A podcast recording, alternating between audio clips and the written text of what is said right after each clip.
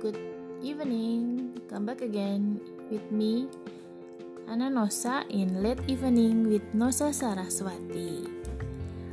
Well, I want to talk about uh, what what is it?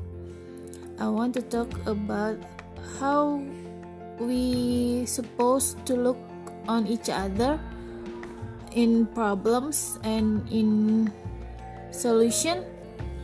Yeah at first, uh, it's important to us to look over someone or something or situation we have to face every day.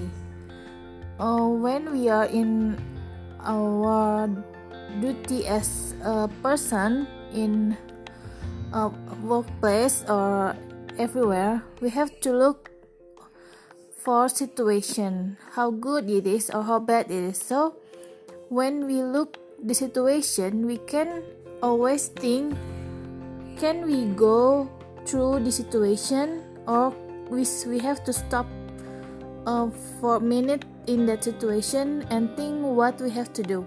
It's important that we can do everything we want, but we have to look for the situation and then uh, we have to gain some information and find solution in our problem it's important to us. Mm.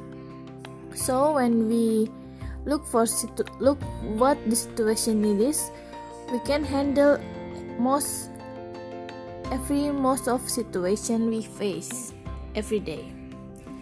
Okay that's all for today. I hope we are fine and in a good condition.